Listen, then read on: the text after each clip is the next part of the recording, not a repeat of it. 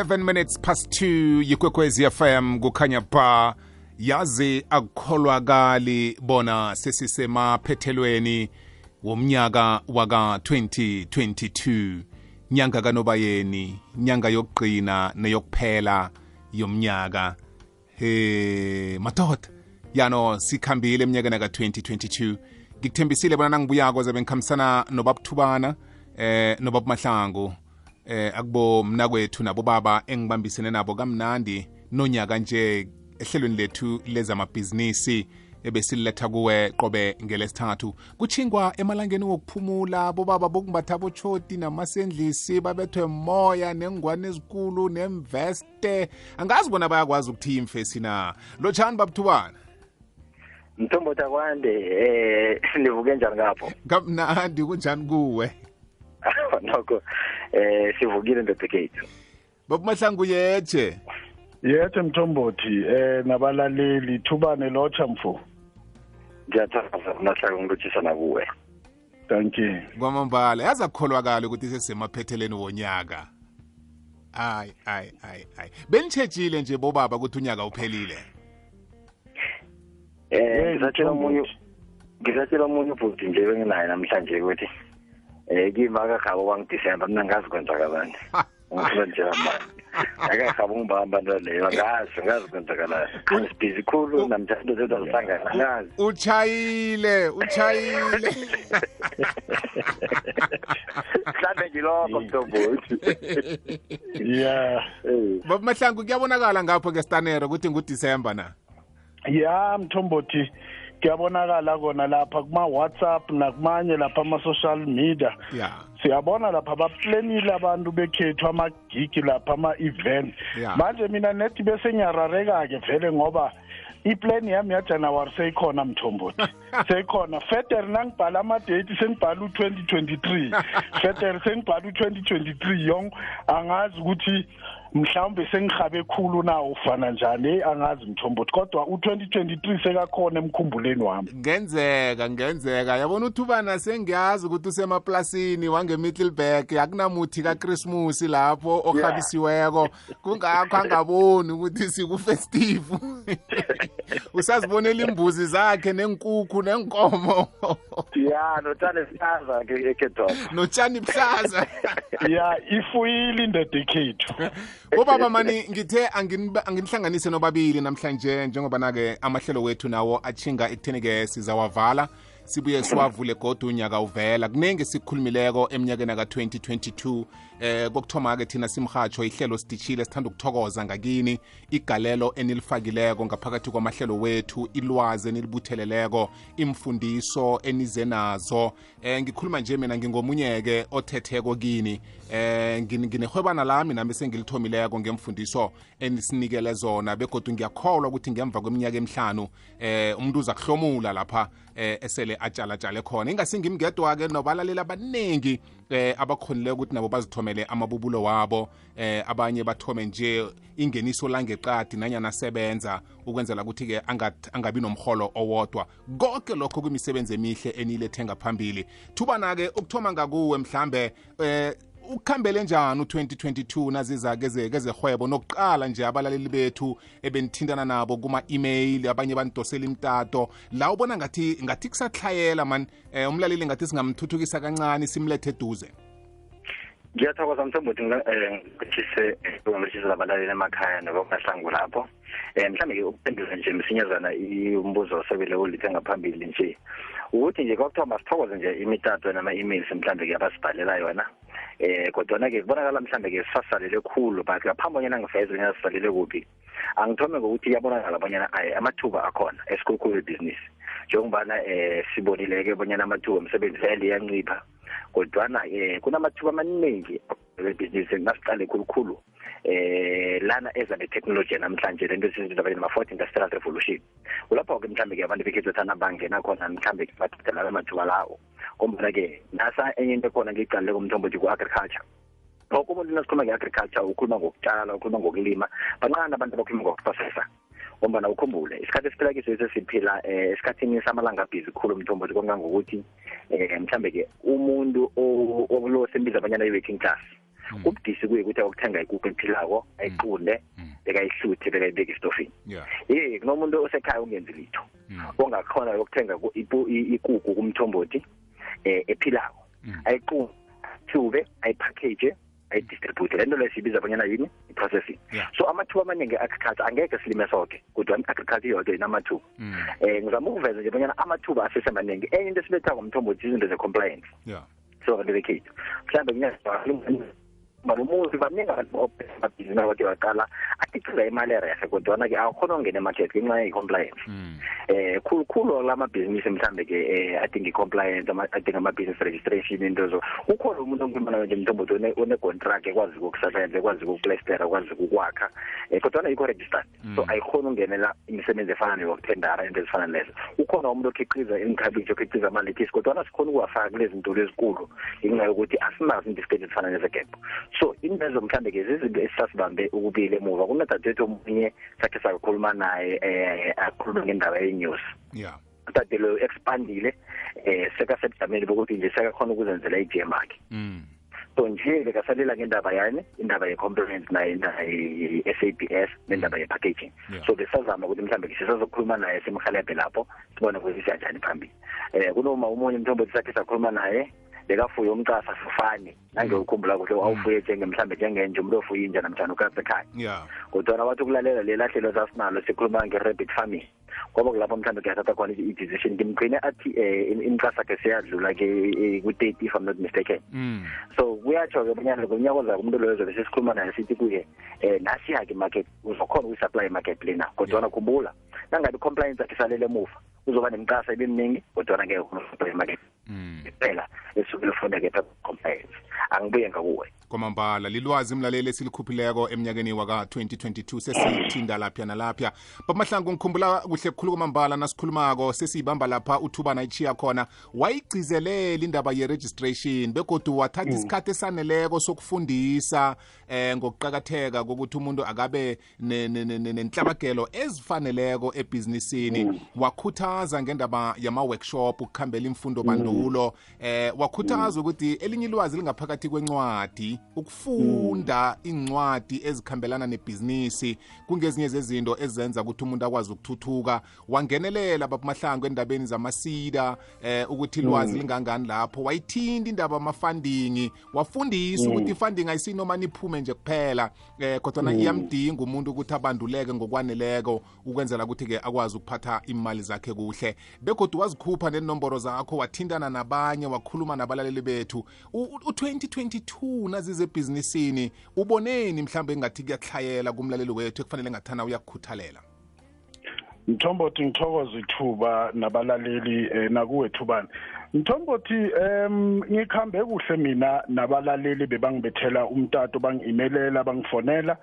eh ngibawa ukubathokoza manje mthombothi abantu bakhuthalela ngaphandle ngithomba ukuthi abantu banama-dreams banama-vision banemkhumbulo emihle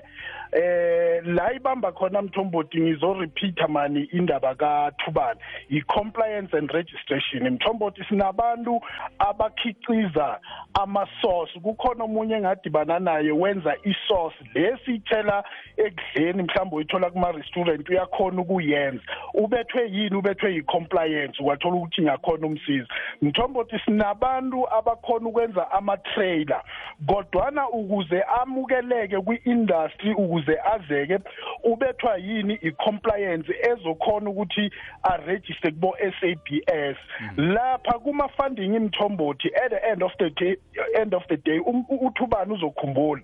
ifunding imthombothi ayiphumi ngokuphupha ukuthi hayi kusasa senyofuna ifunding ngoba naku senya operator hour kunama compliance and requirements adingakalayo mthombothi kubantu bekhethu emphakathini ngibawa mani ukuba congratulate mthombothi bakhuthele net ilapha ku compliance and registration ukuze ngelimi labayeni babe absorbed by the economy and industry ukuze nabo bakhone ukuthi baqephule mm. kuleya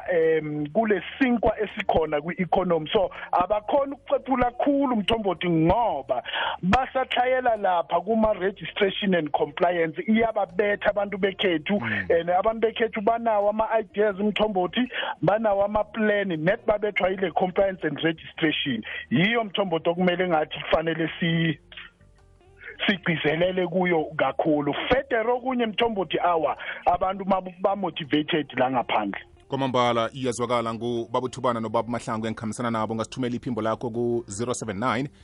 4132172 ikulumo yakho inqophane nezebhizinisi esizikhulumako nehlelo lethu esilethe kuwe qobe ngelesithathu ngiwabonile ama-voice note amanye ayakhuluma ngenhloko ekufanele sizithinde nyaka uvela kodwana-ke le, lezi ama-voice note engiwazuleko awahlobani awa nekulumo ne yethu yebhizinisi elangena namhlanje ahlobana namanye wamahlelo wethu sizawadlulisela lapho eh ngifuna ukuzwa ngakuwe njengosobhizinisi osathuthukako ukuthi ngenguphi khanuka bona ngathana singakuthinda ngiziphi intshijilo eh ohlangabezane nazo ku-2022 eh nofisa bona ngathana singeza nelwazi eliphathelene neentshijilo lezo ukukuyamisa mntwana ekhaya kuhle ukwenzela bona kukwazi ukukhula eh ngaphakathi kwebhizinisi ngaphakathi kwalo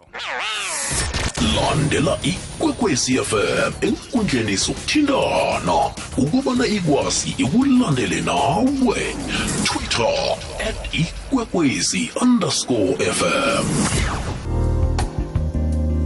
sihlezi ku-23 minutes past 2 sifumana i-email lapha engizoyifundela abobaba ngiyawabona nama-voice note wakho ayangena mlaleli ngizowa-chesha nawo ngiyakhola ukuthi akuhambisana nekulumo esiyiphetheko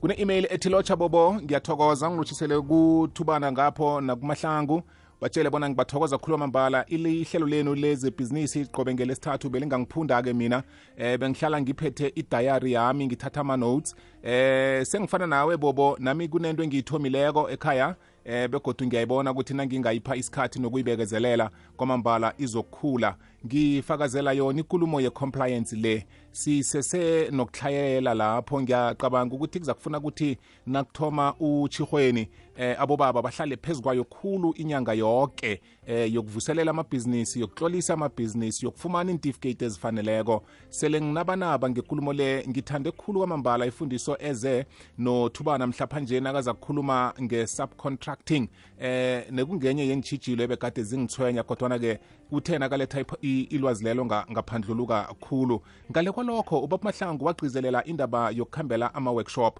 eh kune-workshop engikhe ngayikhambela nganeno egauteng eh ngafunda litho likhulu kiyo ngale kwalokho kwaba nenye workshop godi engiyikhambeleko eh chuba maphotla beyibanjwe ngenye yama-ngos eh ebekade akhona endaweni ukusifundisa sisobo sibo somabhizinisi abasathuthukako qakatheke khuluma mbalo ukuthi nangisobhizinisi uzibandakanye nabantu abafana nalabo ngiyathokoza mthombothi ngiya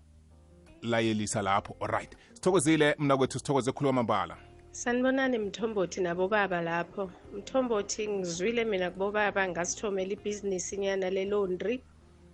kuyasebenzeka ngithatha umshini ekhaya bengiwusebenzisa ekhaya ngiyawusebenzisa ngiwasha ngawo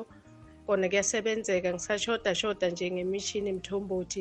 kodwa nje ngiyabonga nje ukuthi bobaba babe khona basiluleke ngako konke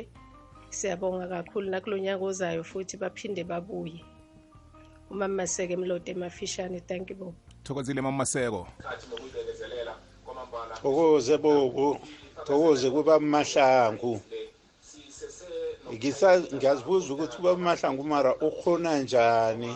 ukuvimba botsotsi abanabe babakangaka ukhona njani mara uhweba ngefuyo inkomo nembuzi neplasi ungathi yena ah ngimzwalile ngoba ngiyakhumbula ukuthi umzukulwanakhe uthethe umntana kadadewethu ebhukunudugu kwamthimunye nganginaye wangilobolola kamnandi khulu nguye owayelayitshe iinkomo zobukhazi alobolela usibari umahlangu mina ngingumasombuka ngingukasper olosimasombuka emateksini wemenlane mahlangu ngiyathokoza mntana kwethu thokoze bas thokoze ngingazi mhlawumbe uyaniphambanisa baba mahlangu namkhavele vele unguye usibaro wamlobolelako ya ngamlobolela kamnandi mntu lo eyi wamkokwazela kamnandi umntu lo ya indoda ijabulile indoda ayithabile manje so so nguye womlobolelako uyayicinisekisa ya mthombothi awa yena kukhona la phambanisa khona hey oh awa mfo iye ngathothi mhlawumbe usho uthubane mara kodwa kukhona uke wangifonela lapha washo ukuthi hey sibari ini ngathi yong ya umuntu uyakhamba emazweni qala ke manje sebayamazi ngingazi ke mthombothi ofana uye na so ngusibari siyokubiza sibari namhlanje hello baba umthombothi okhuluma ngomamluli la ikangala ngasemini market ngilothisa kani nobabuthubani nobamahlangu ngiyathokoza ngey'fundiso zenu nami ngingomunye umama okrabha krabha emakhwitshini engisazamako nami ibhizinisi yami encane esathomako nginemtshini le yebushari yokusikela abantu inyama mthombothi nami ngingathaba khulu net ma ngingathola isekelo nokuthi ukuya phambili ngiyanjani ngingathokoza khulu babayi ma siyathokoza ngezinye izindaba esisazithinda nyaka uvela bobaba isikhathi ngiyise salako thuba nangithome ngakuwe mm. silayelise emakhaya eh mhlambe-ke ngamaphuzu aqakathekileko kafitshazana nje ya ngiyathokoza mthombothi eh ngithokoza khulu nakubalaleli nangeyigalelo elithi libonakala sithokoza lapho nje eh bakhone khona kubonyana basizeke mhlambe-ke sisakuhamba sizithinta-ke nokho lezinto ezisele zikhulunywe namhlanje azivele kulama voice note asanda ukudlula eh siyethembisa ukuthi compliance sakhuluma ngayo mhlambe ke sakhe sesiqale na ngendaba ke ye small eh, plant hire mhlambe awuma njengoba khuluma ngomthini inyama into ezifana lezo mhlambe sikakhuluma ngazo unyako zawo mhlawumbe hmm. uthina kokuqakathekile ngicabanga ukuthi kubaluleke kakhulu ekube highlight kimi eh kulapha sikhulume khona ngokukhwari nemarket nase eleleko eh yesitshaba sekhethu ukhumbule abomana bodade nabo baba eh banomsebenzi omningi abawenzayo wezandla and ukhumbule lo awunamagidi efomali yeke nje ngicabanga ukuthi ngiyakuza wona sigaxa mhlawumbe sisekelane senze mhlawumbe ngezinto ezifana nama-workshop lapho kuzokuthengiswa khona mhlawumbe into ezifana nento ezenziwe ngemncamo into ezenziwe ngengikhumba abodadewethu abathungako mhlawumbe impahla into ezifana lezo kodwana mhlawumbe-ke Mm. sithole isekelo elivela kibo ukuthi nasibizekileko kwesibantu nasibabizileko sithole abazokuza abazokuthengisa sithole nabazokuza abazeshowini mhlawumbe bazosithenga sibone ukuthi ngeke sakhula nje ngokuyenjalo na um siye phambili ukuvala-ke mthombothi um eh, asihlangane godi-ke unyaka ozawo eh, um sitshaba sizitshetshe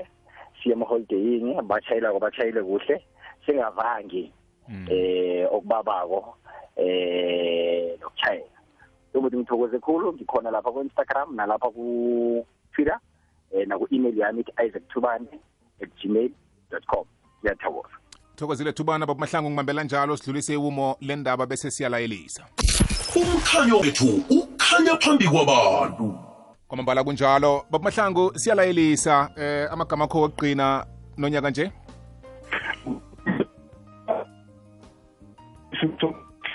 then nonyibejalo muhle baphepha mbothi bangasebenzisa idakamizwa mbothi eh ngathi bangaphepha sibuye futhi ku2023 sisaphelele bese siyachubeka futhi nenkulumo yethu yezabhizinisi mthombothi bangakhohlwa abalalela ukuthi uku-attend workshop ukufunda kancazana bese bayahamba baya kuboma NYDA SIDA nabo Mega nabo bani babahluphe laba bantu abalapha babahluphe khulu mthombothi imali khona ama resource akhona for their own development umbothi masihlangane unyakozayo bakhumbule futhi ukuthi commitment nefocus nediscipline ezokubeka ndawa nathize ngiyaphelela lapho umthongothi thokozile baba mahlanga kube malanga amnandi wokuphumula sakuhlangana ngo-2023 aha hake ihlezi nebunjalo mlaleli sithokoze kukhulu kwamambala ukusuka kuwe khulukhulu mlaleli ngombana-ke besingekho sikhona ukuliraga leli hlelo ngathana bowungekho ungabeki indlebe mnyaka ozako lo eh lukhuthalele khulu lukhuthalele khulu ihlelo lezamabhizinisi beka indlebe ungathi mina ngiyasebenza ngiqhatshiwe ngine-permanent eh position engiyibambileko la ngisebenza khona mntwana ekhaya ayikho into permanent emhlabeni ayikho into ekuthiwa ngiyasafuthi izinto ziyachuguluka buza umuntu ebegada asebenza ekhampanini ethileko apermanent lapho eh babaphungula emsebenzini ukuthi kunjani nje yabona so ungafikelwa eh mlilo ungakazilungiseleli ngoba bathi utshani obuleleko obuvuswa ngomlilo thoma kusesenje emntwana ekhaya ngahayi isalari le isalari le nethi naloku uyithola eh uyithathe njengembewu thathe njengembewu uyitshale ndawana kahabi ni kancane kancane utshale tshale tshale